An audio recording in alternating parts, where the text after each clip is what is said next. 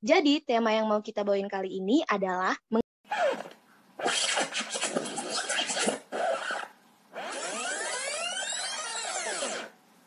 Halo Sobat Emas, kenalin gue Fadli. Dan kali ini gue ditemenin sama partner gue yang keren ini nih. Ayo dong kenalin nama lu. Halo Sobat Mas, gue Dea. Dan di sini gue bareng Fadli yang bakal nemenin kalian semua dalam beberapa menit ke depan nih. Hmm, ngomong-ngomong, kalian masih pada inget gak sih? Salah satu podcast keren dari BEM FPB UPNPJ, persembahan bidang sosial politik yang satu ini nih. Ayo, masih inget gak nama podcastnya apa? Gue kasih clue deh. Clue-nya itu adalah barang yang sering digunain untuk angkat korban, tapi tuh berkilau-kilau gitu, Fadli. Angkat korban tapi berkilau-kilau. Keranda glowing. Hah, ngaco banget lu, Fadli. Gue kasih clue kedua deh. Nama podcast ini tuh kalau dalam bahasa Inggrisnya itu Golden Stretcher. Apa coba tebak? Aduh, bahasa Inggris banget kak, bahasa Jaksel. Saya nggak bisa lagi, langsung kasih tau aja deh, podcast apa sih ini? Oke oke, jadi podcast yang bakal kita bawain kali ini tuh namanya adalah podcast Tanduk Mas. Pastinya kalau kalian semua nyimak dari episode pertama kemarin, kalian pasti nggak asing lagi dong sama podcast yang satu ini. Yoi, bener banget nih. Kalau tema podcast kemarin kan, Tandu Mas kemarin tentang pelecehan dan kekerasan seksual di Indonesia. Nah, untuk podcast kedua Tandu Mas ini, kita bakal bawain tema yang lagi hangat banget nih. Kemarin di Twitter gue lihat tema ini tuh, be, lagi naik banget deh. Tema apa sih ini kira-kira? Bener banget tuh, Padli. Nah, tema ini tuh lagi jadi trending topik banget ya di sosial media. Oh iya, tapi sebelum gue kasih tahu tema podcast kita kali ini, gue mau ngasih kabar terbaru dulu nih yang berhubungan sama sesi diskusi podcast Tandu Emas episode pertama kemarin. Masih inget gak sih sama pertanyaan di sesi diskusi kemarin tentang hukuman apa yang paling sesuai nih untuk para pelaku pelecehan dan kekerasan seksual pada anak dan perempuan? Nah, itu kabarnya salah satu pelaku pemerkosaan puluhan santriwati yang berinisial HW resmi dihukum mati dengan cara ditembak. Alhamdulillah, baru kali ini nih gue denger orang ditembak, tapi bukan sedih, gue malah seneng banget. Karena menurut gue ya emang pantas banget tuh orang kayak gitu tuh dihukum mati. Mungkin dari sesi diskusi kemarin kita dapat sebuah jawaban yang bisa disimpulkan sendiri kalau pelaku tindak kekerasan seksual itu emang pantas banget dapat hukuman berat, apalagi hukuman mati. Biar ke depannya nggak akan ada lagi kasus serupa, apalagi yang korbannya itu anak di bawah umur. Soalnya itu tuh bikin hati sakit banget dengernya. Oke, gue setuju banget sih sama lu, Fadli. Oke, mungkin sejenak kita lupain dulu kali ya kegembiraan masalah HW yang mau ditembak mati ini, Fadli. Next, kita ke tema podcast kita kali ini ya. Jadi, tema yang mau kita bawain kali ini adalah mengenai permasalahan lingkungan, khususnya perubahan iklim dan pemanasan di bumi yang lagi rame banget nih dibicarain di sosial media. Ngomong-ngomong, Fadli sempat baca nggak nih di sosial media lagi rame banget nih yang bahas masalah ini? Wah iya sih, dari kemarin tuh ya gue buka-buka timeline lagi rame banget nih emang dia hal ini. Nah, itu tuh disebabkan karena salah satunya itu dipengaruhi oleh banyaknya pesan email yang menumpuk di akun email kita. Nah, itu sebenarnya benar nggak sih? Nah, untuk mengetahui jawabannya, mungkin Sobat Tanduk Emas bisa menyimak podcast ini sampai akhir ya. Nah, Sobat Emas sudah pada tahu belum nih permasalahan ini? Ternyata, isu permasalahan kerusakan lingkungan seperti perubahan iklim dan pemanasan global akibat email yang menumpuk udah ada beritanya sejak beberapa tahun yang lalu loh, dan kembali ramai akhir-akhir ini nih. Bener banget, Padli. Menurut penelitian yang dilakukan oleh Mike Berners-Lee pada tahun 2019, aktivitas mengirim email dapat menghasilkan jejak karbon atau karbon footprint nih. Ia menambahkan bahwa satu buah email dapat menyumbangkan estimasi sekitar 4 gram emisi karbon. Nah, itu akan bertambah lagi nih kalau misalnya kita juga menyertakan lampiran berupa foto pada saat kita mengirim email. Itu bisa menjadi sekitar 50 gram emisi karbon per email, Fadli. Wah, berarti hal sekecil email aja bisa menyebabkan kerusakan lingkungan juga ya, Dea? Benar, Fadli. Oke, selain itu ya, menurut Max Banners, menyimpan pesan di email dalam jumlah sangat besar juga dapat menimbulkan emisi karbon. Nah, sebenarnya apa sih hubungan mengirim dan menyimpan email dengan emisi karbon? Mungkin hal ini bisa dijelasin nih sama partner gue Dea. Oke, mungkin di sini gue bakal jelasin terlebih dahulu ya pengaruh keduanya itu apa, biar kalian bisa lebih mengerti nih bahasan kita ke depannya. Nah, jadi emisi karbon dari dari email itu berhubungan erat dengan besarnya penggunaan listrik. Ketika kita mengirim, menerima, dan menyimpan sebuah email, maka penyedia layanan email akan membutuhkan server dari mesin data center atau pusat data yang selanjutnya membutuhkan listrik untuk bekerja nih Fadli. Nah, untuk memasok sumber listrik tersebut, biasanya perusahaan pusat data masih menggunakan bahan bakar fosil seperti minyak bumi dan juga batu bara yang gak ramah lingkungan, Fadli. Betul banget apa yang dibilang partner gue Dea. Nah, gue kasih ilustrasinya ya Sobat Mas. Ilustrasinya tuh, ketika kita mengirim dan menyimpan banyak sekali pesan pada email, maka akan membutuhkan energi listrik yang semakin besar. Penggunaan listrik yang besar tersebut tidak lain diperoleh dari pembakaran bahan bakar fosil yang akan semakin menimbulkan bertambahnya emisi karbon yang dihasilkan nih. Nah, karena itulah Fadli, hashtag Let the Earth Breathe ini sempat jadi trending topik loh di sosial media. Beberapa orang itu terupa, terutama anak-anak yang masih muda nih saat ini tuh udah mulai sadar dan paham mengenai isu permasalahan lingkungan, khususnya itu masalah pemanasan global dan perubahan iklim tersebut, Fadli. Nah, oleh karena itu, banyaklah muncul gerakan-gerakan peduli lingkungan nih sebagai solusi dari permasalahan tersebut. Mungkin Fadli bisa bantu jelasin kali ya beberapa ajakan yang lagi rame banget nih mengenai gerakan peduli lingkungan ke Sobat Mas semua. Oke deh ya, gue bakal jelasin ya ke teman-teman Sobat Mas semua. Sebenarnya beberapa gerakan ini bisa dibilang kecil kalau dilihat dari apa yang kita lakuin. Tapi sadar nggak sadar, Gerakan kecil ini kalau dilakuin sama ratusan juta orang di, di dunia, maka dampak yang ditimbulkan pun pastinya nggak main-main nih. Akhir-akhir ini, mungkin kalian udah nggak asing sama gerakan menghapus ribuan email spam yang tidak penting. Kalau kalian anak TikTok nih ya, di TikTok tuh udah ada gerakan-gerakan ini nih. Pasti kalian relate deh sama gerakan ini.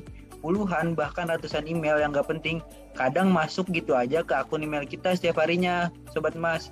Nah, rumornya dengan menghapus banyaknya inbox email spam tersebut, maka akan membantu mengurangi emisi karbon yang dihasilkan nantinya. Tapi nih tapi, pendapat lain mengatakan bahwa menghapus email secara serentak dan dilakuin oleh banyak orang dalam satu waktu justru akan membuat sistem menjadi sangat sibuk dan malah akan menambah emisi karbon itu. Nah, bingung kan malah?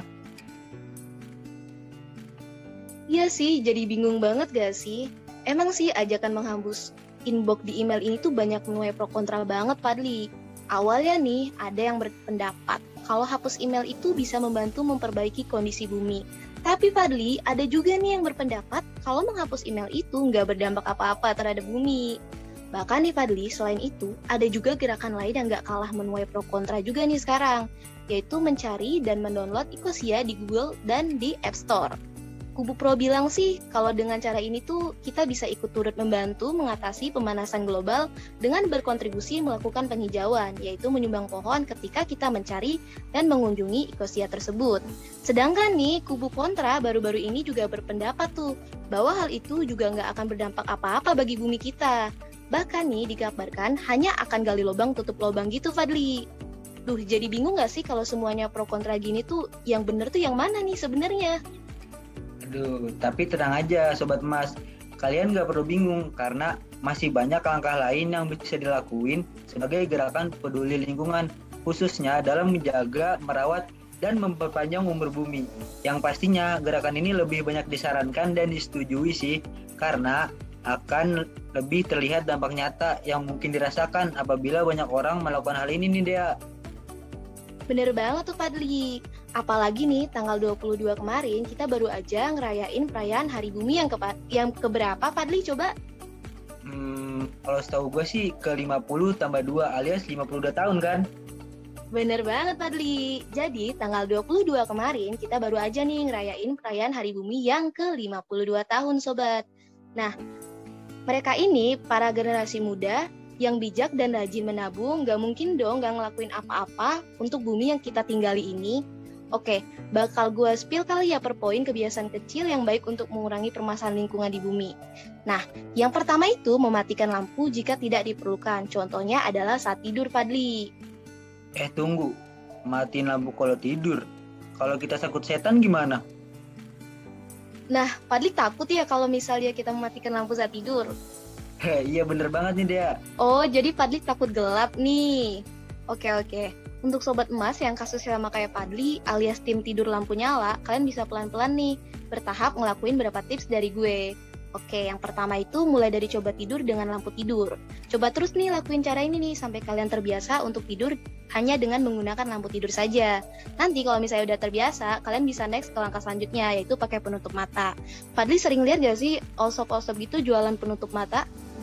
Wah, sering banget tuh dia gue lihat di online shop jualan penutup mata dan di film-film nih kalau lu tonton dia dan sobat Mas tonton banyak banget film-film yang nunjukin mereka tidur pakai penutup mata biar tidurnya tuh lebih mudah gitu loh.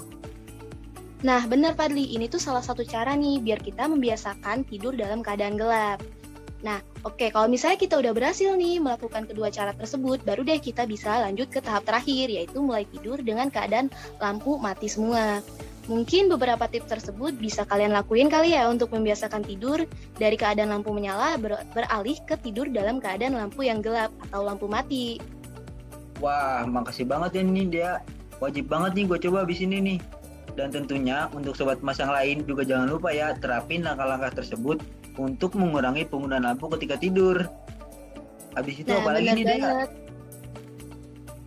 Nah, bener banget tuh Padli. Tapi kayaknya tadi keputus kan sampai mana ya tadi bahasannya? Jadi lupa kan? Waduh, lu orangnya emang pelupa gitu ya? Oke, gue ingetin deh nih. Tadi tuh sampai mematikan lampu ketika mau tidur. Oh iya iya benar-benar sampai situ ya. Oke, berarti poin selanjutnya itu yang kedua ya. Yang kedua itu mematikan air jika tidak digunakan dan jangan buang-buang air. Terus yang ketiga itu membawa tempat makan dan minuman sendiri yang bisa digunakan berkali-kali. Lalu yang keempat, membawa kantong belanja sendiri kita ketika kita membeli sesuatu apa pun itu. Sekarang ini udah mulai diterapin gak sih Fadli di supermarket kita disuruh bawa kantong belanja sendiri gitu? Iya bener banget nih, gue juga sering tuh ke Alfamart terus gue minta, mbak minta kantong plastik dong. Katanya, waduh udah nggak ada nih, itu udah bagus banget sih buat masa depan bumi kita. Nah bener banget tuh, itu juga berpengaruh banget ya, itu bagus banget buat diterapin. Lalu yang kelima itu mengurangi penggunaan tisu dan beralih ke sapu tangan. Itu sebenarnya penggunaan tisu ini yang beralih ke sapu tangan ini sangat menghemat biaya juga ya Fadli ya nggak sih bener nggak sih? Kalau tisu kan kayak sekali pakai langsung buang. Kalau sapu tangan tuh bisa berkali-kali kita cuci kita gunain lagi. Bener nggak sih Fadli? Bener banget ya. Oke, yang terakhir itu yang keenam itu mengurangi penggunaan sedotan plastik dan beralih ke sedotan ramah lingkungan. Sering lihat gak sih sekarang Fadli? Kayak ada orang jualan paketan gitu untuk uh, alat makan gitu kayak penggunaan sedotan plastik yang sekarang balik ke sedotan ramah lingkungan gitu. Sering lihat gak sih Fadli? Sekarang banyak jualannya? Nah, bener banget tuh banyak yang jualan. Mungkin mereka mikirnya tuh sambil menyelam minum air ya. Jadi sambil melindungi bumi, mereka juga ikut jualan ya. Bener banget Fadli, cuan ya. Bener bener bener. Eh tapi kayaknya lu ada yang kelupaan deh. Apa yang kelupaan? Ah lu tambahin sendiri aja deh Fadli, gantian. Aduh, kirain bakal lu semua yang jelasin. Oke deh, kalau gitu gue tambahin aja langsung ya. Sampai nomor berapa sih tadi? Nomor 6. Oh, oke okay, oke. Okay. Jadi, selanjutnya adalah biasakan naik angkutan umum jika berpergian jauh karena selain membantu mengurangi pencemaran udara, juga membantu segi finansial supirnya nih. Nah, yang ke-8, melakukan penghijauan kecil-kecilan, contohnya tuh ya menanam pohon sendiri di rumah, memakai pot-pot gitu. Mungkin dia dan sobat emas tuh udah sering lihat ya, di snapgram kalian tuh pasti, apalagi awal-awal pandemi, aduh banyak banget tuh kayak orang-orang yang melakukan hal ini nih menanam pohon menanam pohon di rumahnya menanam cabai dan lain-lain sebagainya. Nah itu bagus banget sih buat udara segar. Nah yang kesembilan tuh jangan pernah menyisakan dan membuang-buang makanan karena mubazir banget gak sih dia bener banget tuh Fadli. Tapi kayaknya ada yang kelewat deh. Ada yang kelewat? Emang apa tuh dia nggak merokok. Aduh itu kayaknya agak sulit ya Emang sulit sih buat beberapa orang, terutama laki-laki nih yang kebiasaan ngerokok. Susah banget buat mereka meninggalkan kebiasaan ini, Fadli. Tapi tahu nggak sih, itu dampaknya itu bisa membantu mengurangi kerusakan lingkungan yang disebabkan oleh sampah rokok dan juga polusi dari asap rokok loh. Selain bisa bantu mengurangi lingkungan, tidak merokok juga baik untuk kesehatan, Fadli. Jadi ayo tunggu apa lagi untuk mengurangi bahkan untuk nggak merokok lagi. Wah, bagus banget sih saran dari partner gue nih si Dea. Mungkin gue pertimbangin dulu kali ya untuk mengurangi dulu nih kebiasaan merokok ini nih.